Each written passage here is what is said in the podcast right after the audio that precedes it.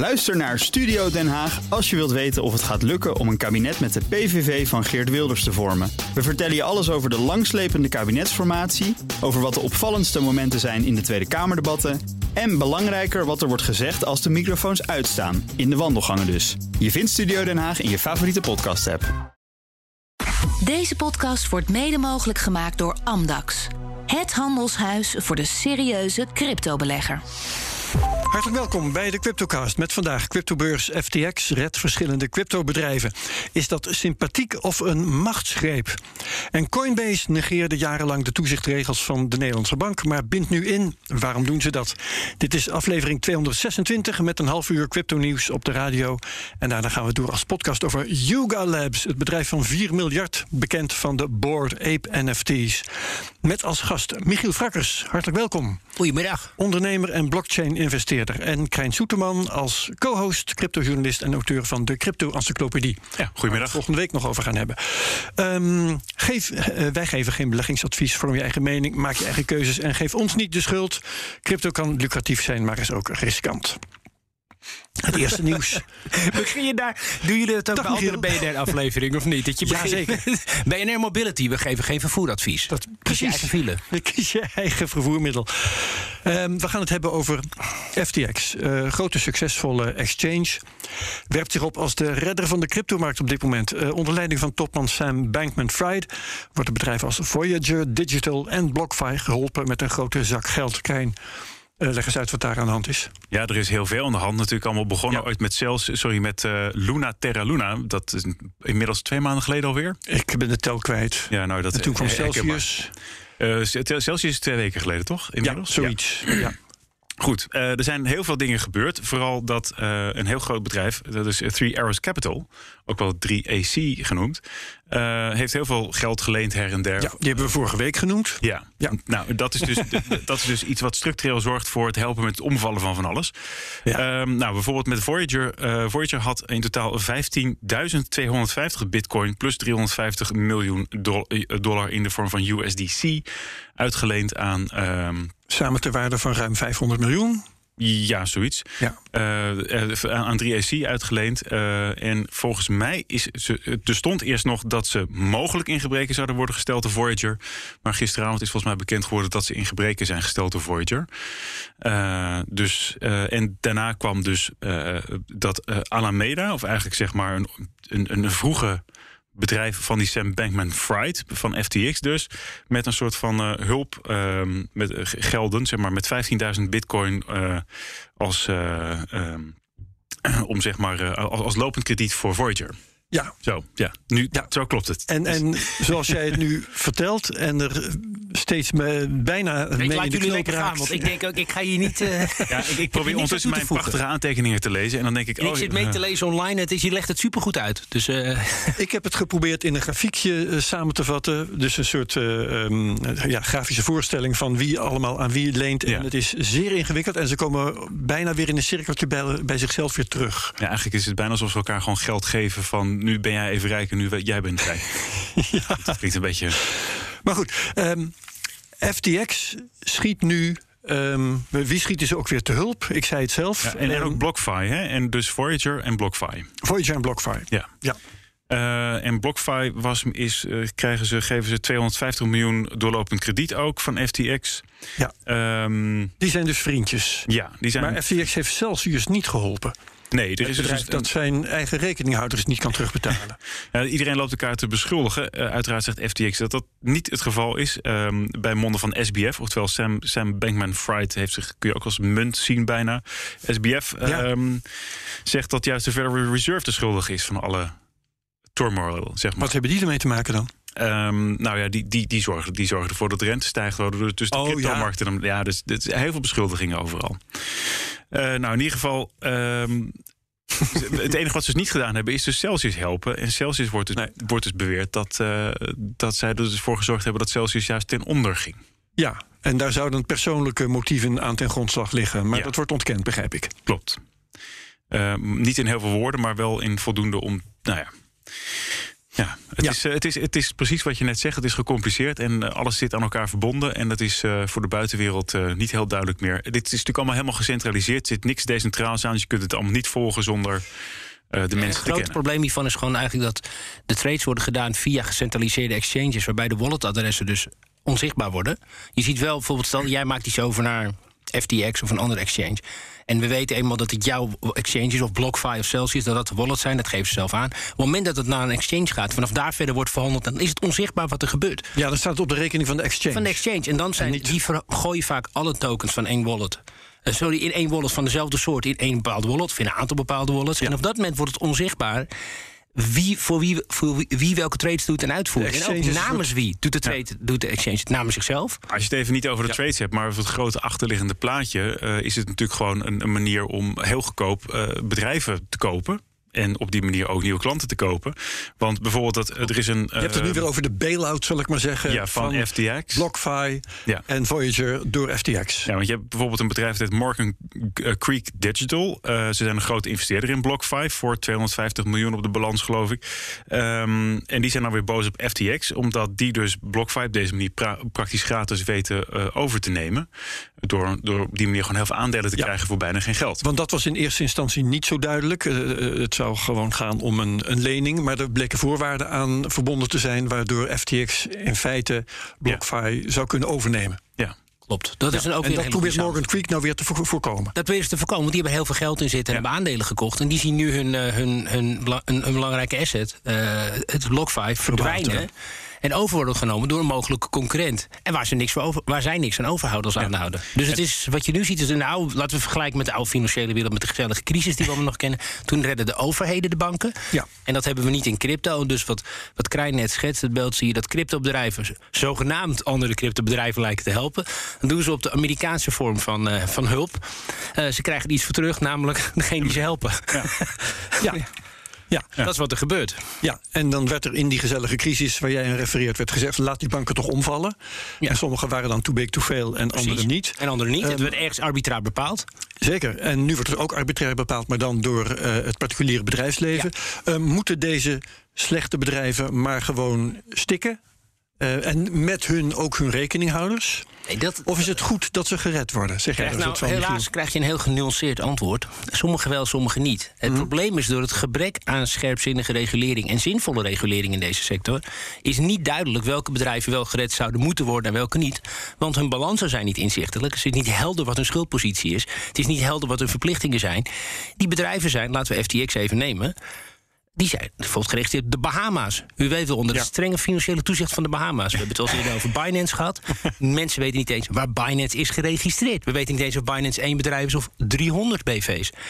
Hoe kunnen we nou als externe dan bepalen of iets te redden is? Weten we helemaal niet. We weten ook helemaal niet. Als je Binance broer 1 redt, Maar wij als de externe hoeven dat ook niet te bepalen, want die- dit soort bedrijven be- beslissen zelf. In ieder geval moeten overheden moeten het niet doen met belastinggeld dit soort bedrijven redden. Stap 1. Dat scheelt al vast. Dat is al vast, dat scheelt. In dit geval is het voordeel dat het niet is gereguleerd. Ja. Dat zou heel slecht zijn.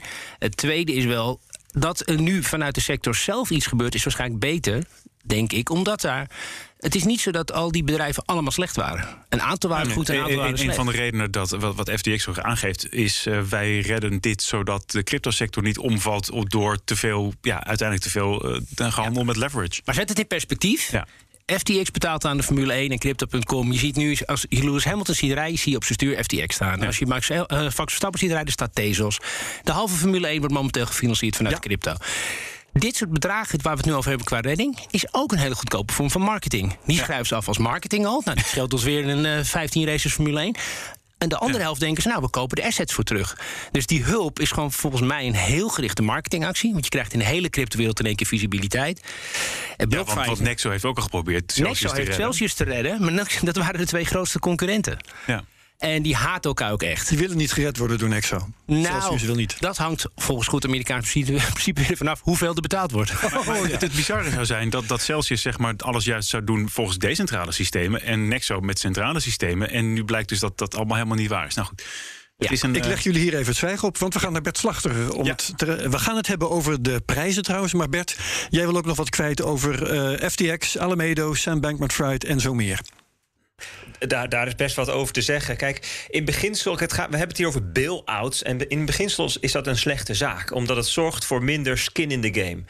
Men heeft dan wel het volledige voordeel van het risico wat men neemt, maar niet het volledige nadeel, omdat iemand anders komt redden. En dat noemen we in de economie moral hazard. Weten dat je gered wordt voor verhoogd risicovol gedrag. En dat eigenlijk wil je dat helemaal niet.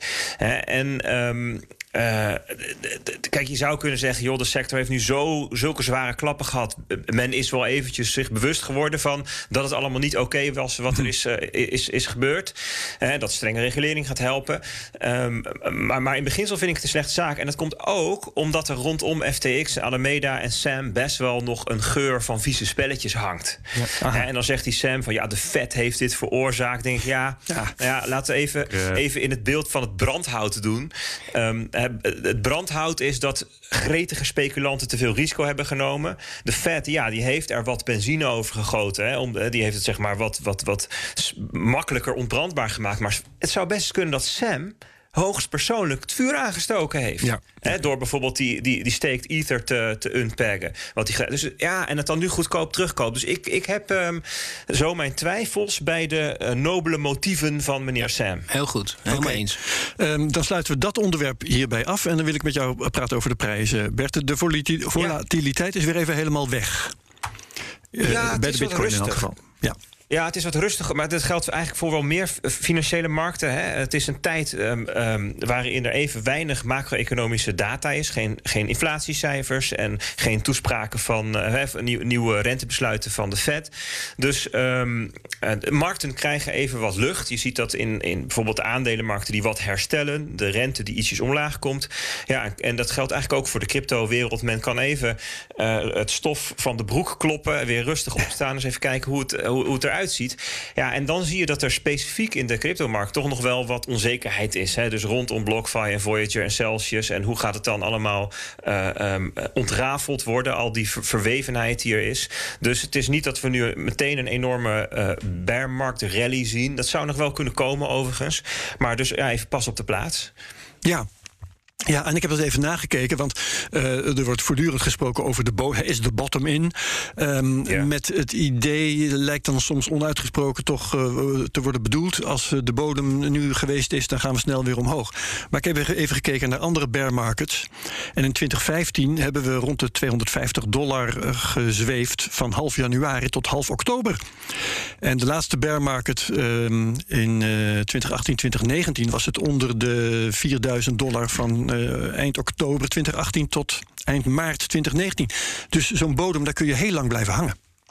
Ja, zeker. Ja, dus een, de bodem van een cyclus, hè, dat, dat, dat neemt altijd tijd in beslag. Dat, dus het heeft tijd nodig om um, uh, eigenlijk te zeggen dat dan het uitputten van de verkopers. Er moet echt iedereen die heeft willen verkopen, die heeft dat moeten kunnen doen.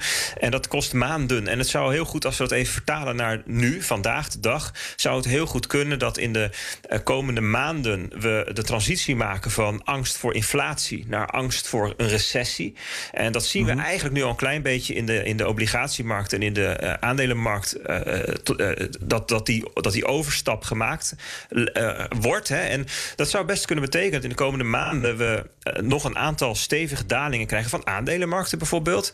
En dat Bitcoin daarin uh, meegaat, maar het, maar, maar, maar het beter doet dan bijvoorbeeld uh, de aandelenmarkt, waarin vooral financiële aandelen en energieaandelen het heel zwaar zullen gaan hebben in ja. sessietijd. Uh, en dan zou je bijvoorbeeld kunnen zien dat na een bearmarktrally naar bijvoorbeeld 26 tot 30.000 dollar, dat Bitcoin dan weer meedaalt, maar een hogere bodem neerzet of een dubbele. En dat soort bodempatronen, ja, dat kan inderdaad drie, vier, vijf, zes maanden duren. is heel, heel realistisch dat we dat ja. inderdaad achteraf zien, zoals je zei. Ja. Mag ik een vraag stellen aan Bert? Heel kort. Oh, oh, ja. De vraag is, uh, de bodem wordt bereikt of door tijd of door een prijs, een bepaalde bodemprijs of door een bepaalde, wat je net zei, een lange termijn. Wat denk jij dat nu gebeurt? Gaat het heel lang duren of hebben we gewoon heel snel een bodemprijs en ketst het dan weer uh, langzaam omhoog? Nee, ik denk dat dit gekoppeld is aan um, uh, zeg maar de situatie op de, op de grotere financiële markten. En dat we dus zeker nog tot eind kwartaal drie zwakte zien. CQ-bodemvorming of misschien zelfs nog wel lagere koersen. Oké, okay, maar kwartalen in de normale wereld praat je over jaren. Dus dan, in crypto is kwartaal is al lang. Het gaat wel sneller. Ja, okay. ja dat klopt. En, maar ik denk dat ook voor de andere financiële markten geldt dat het best wel snel richting een recessie kunnen gaan. Sneller dan men nu denkt. Bert, ehm, het nieuws van vandaag is dat Amsterdam een eigen Bitcoin-conferentie krijgt. Althans, een internationale conferentie strijkt daar binnenkort neer. Ja, nou dat is wel echt even groot nieuws. Hè. We hebben het best wel een aantal keer ook bij BNR gehad over de conferentie in Miami. Ik ben er ook geweest in uh, begin april. Uh, echt uh, heel indrukwekkend, ook vanwege de verscheidenheid aan mensen en, en, en, en groepen en soorten die daar rondliepen. Hè. Dus vanuit mensenrechten, activisten tot en met nou ja, de echte hardcore Bitcoin miners. Ja. Um, interessante uh, talks. En die komt nu naar Amsterdam van 12 tot 14 oktober in Westergas. Dus ook een fantastische locatie om zoiets te doen. En dit is dus de grootste van Europa. Uh, de grootste van de wereld. Ja. Uh, dit is Bitcoin Magazine, die organiseert dat in Amerika. En dus nu ook in Europa. En dan in Amsterdam. Dus dat is wel heel erg cool. En vanaf vrijdag zijn de tickets te koop. En dus een beperkt aantal voor de introductieprijs. Dus als je het interessant vindt, ja, ga eens kijken op b.tc slash conference. En daar, daar speelt het zich allemaal Prima. af. Daar worden ook informatie verder bekendgemaakt. Wij gaan daar in de Cryptocast vaker uh, nog op terugkomen tot die tijd. Uh, dankjewel Bert Slachter. Meer details te vinden in de wekelijkse nieuwsbrief op bitcoinalpha.nl. Coinbase gaan we het over hebben. Houdt zich sinds deze week ja, ja, aan de Nederlandse toezichtregels van de Nederlandse bank. In een mail aan Nederlandse klanten laat het bedrijf weten extra informatie nodig te hebben van de klanten over transacties vanuit Coinbase. Krijn, um, wat is hier aan de hand? Wat vragen ze nou precies? Uh, nou, je, zoals we allemaal weten is er een register van aanbieders van cryptodiensten in Nederland tegenwoordig. En daar staan ze vooralsnog, voor zover mij bekend, niet in. Uh, maar ze willen zich wel gaan houden dus aan die uh, wet 1977. Uh, dat betekent dus dat, uh, dat, dat, dat je zeg maar je, ja, je NRW-gegevens moet meegeven aan transacties uh, vanaf het platform, zeg maar. Dus ja. natuurlijk als jij bij Coinbase geregistreerd staat, dan staan jouw gegevens, jouw uh, KYC, jouw Know Your Customer, hebben ze natuurlijk al lang gedaan. Dus heb je je paspoort al ingeleverd, dat soort dingen. Um, en maar dat je, je dus ook alleen naar... nog maar kunt, uh, crypto kunt overmaken naar een rekening van ja. jouzelf. Dus je kunt of naar jouzelf, en als je het anders wil doen, dan moet je gewoon de, de details van de ontvanger uh, opgeven. Dus een, de volledige naam, de reden van de transactie uh, en daarbij dus het hele adres. Oh, dus onder dat soort voorwaarden kan dat dan weer wel? Ja, maar ik, heb, ben, ik ben zelf niet zo ver gekomen dat ik naar iemand geld heb overgemaakt. Want dat ik, er stond nog 0,1 OMG op mijn Coinbase. Nou, ik weet niet of het nog mm, je, had, je had gewoon te weinig Oh my god, had je, was dat een token? Ja, de geen OMG? idee, hoor, dat is van duizend jaar geleden. Concurrent van WTF was dat. Ik denk het. maar goed, maar goed. dus uh, daar kon ik niks mee doen. Maar... Um, ja, de, dit is dus uh, gewoon uh, wat ze nu gedaan hebben. Ja. Ja, ja, Michiel, wat vind jij daarvan? Coinbase gaat zich houden aan de Nederlandse regulering. Ja, ik zat een mail te zoeken die ik heb gekregen van ze dit weekend. Ja? Want blijkbaar sta ik bij Coinbase nog geregistreerd als woonachtig in Nederland. Geeft aan hoe lang ik ben vijf jaar geleden naar Singapore verhuisd. Dat ik blijkbaar dat niet heb geüpdate en ze dat niet hebben gemerkt. dus, Misschien ben jij niet bij Coinbase actief geweest, of wel? Nou, bij de meeste exchanges, op het moment dat je van een bepaalde IP-adres inlogt al, wordt heel erg dubbel gescreend. En zo. Dus de, ja. de, ik noem het even de professionele exchanges, een beetje gemeen. Nee, Coinbase, ik denk dat het een goede trend is. Daar gaan we het nog in de podcast over hebben. Over Precies. Dat er een vorm van regulering komt die niet gelijk is aan wat er nu al is, want dat is iets nieuws. Dus het heeft geen zin om de normale bestaande wetten toe te passen. Maar een bepaalde vorm van regulering zou wel handig zijn. En met name bij gecentraliseerde exchanges. Want die doen feitelijk hetzelfde als gewone beurzen. En ik snap gewoon niet waarom zij elke keer daaronder weten uit te komen. Eh, ja, nogmaals komen we op mijn stokpaardje Binance. Ik snap dat gewoon niet. Ja. Coinbase had een uh, website, uh, een Nederlandstalige website, een Nederlandstalige uh, app. Ja. Nee, wacht eventjes. Coinbase nee, niet. niet. Nee. Maar wat ze wel hadden was altijd... je kon vroeger bij Coinbase Pro... voor ze Coinbase Pro hadden, heette het volgens mij... anders werd het volgens mij GDX. Ze hebben met Coinbase GDX gekocht, ja. jaar geleden. En namen een heel groot deel professionele traders... uit Nederland, uit Benelux over. Die waren opeens klant van Coinbase Pro. Waren, wisten we helemaal niet. Had ik opeens twee Coinbase-accounts. Totaal onduidelijk. Waren waarschijnlijk twee BV's. Ik heb gefluisterd dat Coinbase wel Ideal gebruikte. Ja, dat, exact. Uh, ze gebruikte Ideal, accepteerden ze. dat je op Nederland duidelijk maakt dat Precies. je op Nederland richt. Ja. ja. Oké, okay, um, we hebben Simon Lelyveld geraadpleegd, onze uh, expert financiële regelgeving. Uh, hij ziet dat de Nederlandse bank vast blijft houden aan de eisen die ook voor Nederlandse bedrijven gelden. Hij is benieuwd of DNB boetes gaat uitdelen aan bijvoorbeeld Coinbase, omdat ze zich overduidelijk niet aan de regels hebben gehouden. Patrick van der Meijden, voorzitter van de branchevereniging VBNL, hebben we geraadpleegd. En die zegt, mocht Coinbase zich registreren... is het in elk geval gunstig in het delen van de toezichtkosten. Maar het is bijzonder als dat zomaar kan... want uh, ze hebben illegaal op de Nederlandse markt geopereerd. Ja, toch, Kijn? Ja, Klopt, en volgens mij uh, is dat... Maar is het illegaal, jongens? Dan geldt dat toch voor alle exchanges... die Nederlandse klanten accepteerden vanuit het buitenland? Nou, ja, het, het, heeft te maken met je richten op Nederland. En dan moet je, als je een Nederlandse app hebt... Nederlandstalige app of Nederlandstalige website... of Ideal gebruikt of uh, reclame maakt. Het FD heeft daar een uitgebreid stuk uh, aan gewijd... waar bijvoorbeeld Kraken werd genoemd ja. en Qcoin en dergelijke. Ja, de grote. Um, en er zijn er dus een hele hoop geweest... die dat soort activiteiten hebben gehad... en zich Tuurlijk. dus op Nederland richten... maar zich niet hielden aan de, de regulering van waar. Ja, dat klopt. Ja, um, Binance trouwens uh, houdt zich tot nu toe verre van Nederland, maar zijn ook al wel geland in Frankrijk. Nee, ja, houdt zich verre van Nederland. Wat, wat dit soort Weet je, activiteiten nou, betreft. Dan heb ik wel hele slimme neefjes. Ik, ik heb hele slimme neefjes, maar die zitten allemaal Binance. Hoe kan ja, dat? Dan heb ik hele slechte nou, neefjes. omdat ze het Engels beheersen. Oh, dat klopt, ja. Nee, dat is wel ja, Dus dat. Goed. Um, daar ronden we Coinbase dan mee af. En dan moeten we even bespreken wat wij straks gaan bespreken. Ja, Michiel, waarom gaan wij het over Yuga Labs hebben? Waarom is dat belangrijk? Nou, ik denk dat het al in de naam zit. Ik ken dit bedrijf helemaal niet. De makers van de Board Ape De makers van de? Board Ape NFT's zijn eigenlijk pas bekend geworden begin dit jaar in brede kring. Ze heten Labs omdat ze zich willen onderscheiden van blockchain token issuers. Ze hebben natuurlijk niks met ICO's te maken. Dit zijn mensen, dat zijn gewoon harde ontwikkelaars die mooie technologie maken. En in de praktijk, als je dat gaat ontwarren, ik heb letterlijk, ik heb het ook met Krijn gedeeld, uh, een schema proberen te maken met mijn collega's. Hoe, hoe werkt dit hele ecosysteem met pijlen en dergelijke? Mm -hmm. Daar zijn we flink wat tijd aan besteed om te ontrafelen. En wat je dan eigenlijk ziet is dat er een bedrijf is in Amerika dat zich profileert als een softwarebedrijf. Maar het geeft gewoon achter elkaar een vorm uit van financiële producten die toch heel erg lijken op prioriteitsaandelen, uh, secundaire producten, derivaten, obligaties. En alles waarover ik bij 95 ooit, het bedrijf dat ik met George Kelder had, 2008-9, op Wall Street had bericht tijdens de financiële crash. Ik zie exact dezelfde instrumenten terug. Alleen nu hebben ze nu een jasje aan en heten ze NFT. Oké, dus mazen in de wet. Mazen in de wet op een hele slimme manier en ook niet specifiek slecht. Alleen laten we het beestje noemen wat het is en dan, dan kijken hoe we daarmee omgaan. Maar doen alsof het alleen maar een plaatje is van een aap, dat is de grootste fout. Ja. Krijn? Ja, het is, uh, ik moet zeggen dat ik gisteren uh, uh, wat dieper in het hele verhaal ben gedoken. Ook in verband met die video die onlangs uitgekomen is. En allemaal Een andere video dingen. die zou aantonen dat het allemaal nazi's zijn die erachter Ja, zitten. dat, dat is ook wel interessant. Het is interessante materie en het is, het is zeer groot. En dat plaatje wat jij gemaakt hebt is ook wel weer inzichtelijk. Maar volgens mij zitten er nog veel meer dingen aan vast. Ja. Het is gecompliceerd. Okay. Daar gaan we het dus straks heel gezellig over hebben in de podcastversie van de Cryptocast. Tot zover de Cryptocast op BNR. Als je deze aflevering leuk vond, probeer dan ook eens de AIX-factor op BNR. Ook een programma over investeren en beleggen. Uh, dank aan mijn gast Michiel Frakkers voor dit moment. Dank aan co-host Krijn Soeterman. Wie meegaat naar de podcast tot zo direct, wie het hierbij laat, prima. Bedankt en graag tot de volgende week bij de Cryptocast op BNR. Deze podcast wordt mede mogelijk gemaakt door Amdax. Het handelshuis voor de serieuze cryptobelegger. Ook Diana Matroos vind je in de BNR-app. Ja, inderdaad. Je kunt live naar mij luisteren tijdens de Big Five. Ook handig in de BNR-app. Breaking nieuwsmeldingen, maar ook het allerlaatste zakelijke nieuws. En je vindt in de app alle BNR-podcasts, waaronder Wetenschap Vandaag. Download nu de gratis BNR-app en blijf scherp.